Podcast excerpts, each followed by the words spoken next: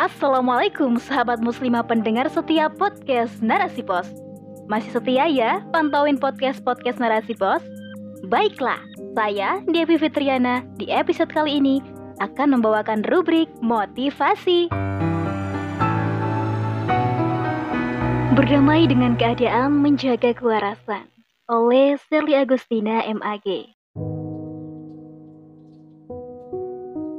Imam Ash-Syafi'i rahimahullah pernah mengatakan, Aku pernah bersama dengan orang-orang sufi.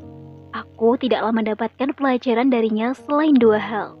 Pertama, ia mengatakan bahwa waktu bagaikan pedang.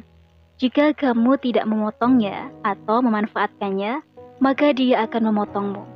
Beliau melanjutkan, jika dirimu tidak disibukkan dengan hal-hal yang baik atau hak, pasti akan disibukkan dengan hal-hal yang batil atau sia-sia.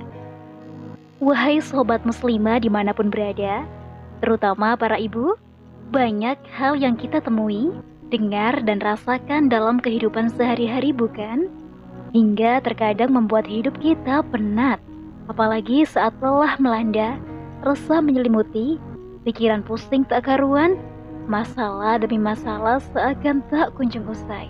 Namun, Pernahkah kita sejenak merenung, sejenak menepi dari lelahnya aktivitas sehari-hari, beristirahat untuk menetralkan kembali energi positif yang hampir habis karena rutinitas yang ada?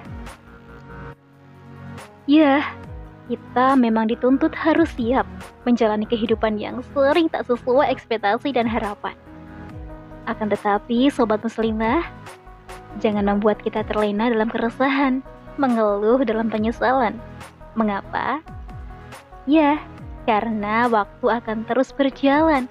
Begitupun kehidupan harus terus berjalan bagai roda kehidupan.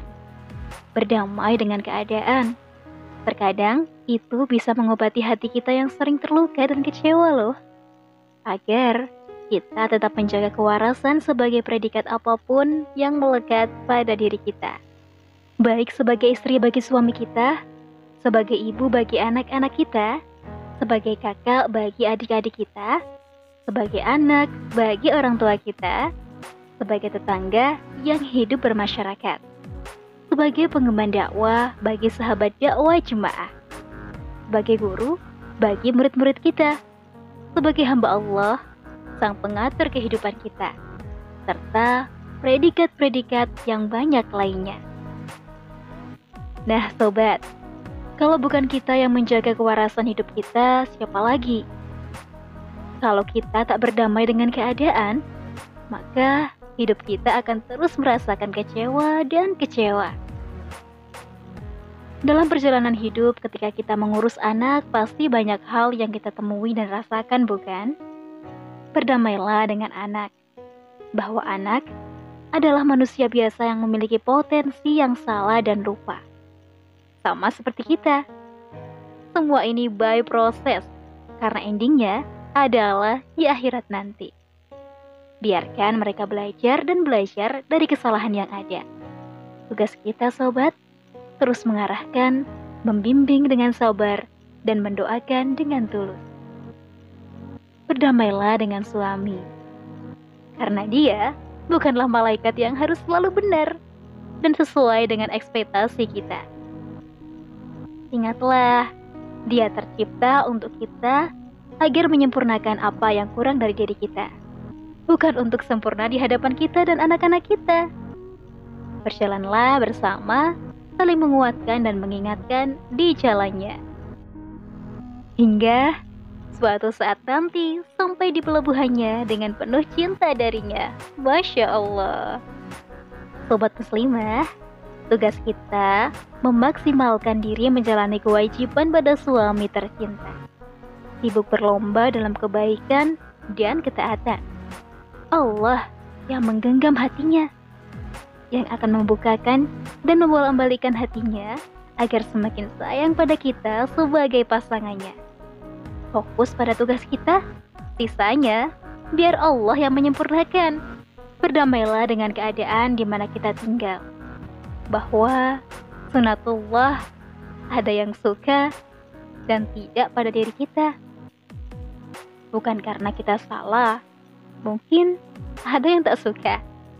Tapi karena Allah tidak menguji saja seberapa besar keluasan hati dan kesabaran kita sebagai hambanya.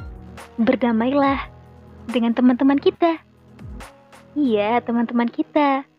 Bahwa mereka juga manusia biasa seperti kita, bukan?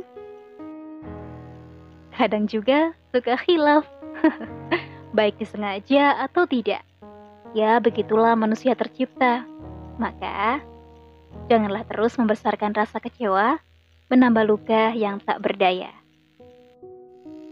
Berdamailah pada diri sendiri. Banyak menghargai diri atas pencapaian yang didapat hingga saat ini. Wahai diri, lihatlah betapa hebatnya kamu mampu berjalan kuat sejauh ini. Teruslah berjalan hingga sampai pada tujuan. Jika lelah, menepilah sejenak, menyiapkan amunisi untuk melanjutkan perjalanan. Bersabar jika banyak target yang belum dicapai, terus berusaha dan memohon bimbingannya. Sejatinya, dalam hidup ini Allah memberikan dua hal: bersabar dan bersyukur. Saat kenyataan tak sesuai harapan, maka ilmu sabar yang sedang Allah beri. Ya, sabarlah. Bukankah di setiap doa kita meminta kepada Allah diberi kesabaran? Maka Allah kabulkan doa kita lewat ujian dan cobaan. Entah ujian dari sisi suami, anak, teman, saudara, dan lainnya. Namun, jika kenyataan sesuai dengan harapan kita, maka Allah sedang memberikan ilmu syukur. Ya, harus terus pandai bersyukur. Karena janjinya, bagi hamba yang pandai bersyukur, akan terus diberikan nikmat yang berlipat. Masya Allah, begitulah potret insan yang beriman. Kalau tidak bersabar, ya bersyukur. Waktu, energi, dan pikiran kita tetap fokus pada kebaikan. Obat paling bermanfaat adalah kamu menyibukkan diri dengan berpikir tentang apa yang seharusnya menjadi perhatianmu, bukan kepada hal-hal yang seharusnya bukan urusanmu. Imam Ibnu Qayyim Al-Zawji Wallahu alam bisawab.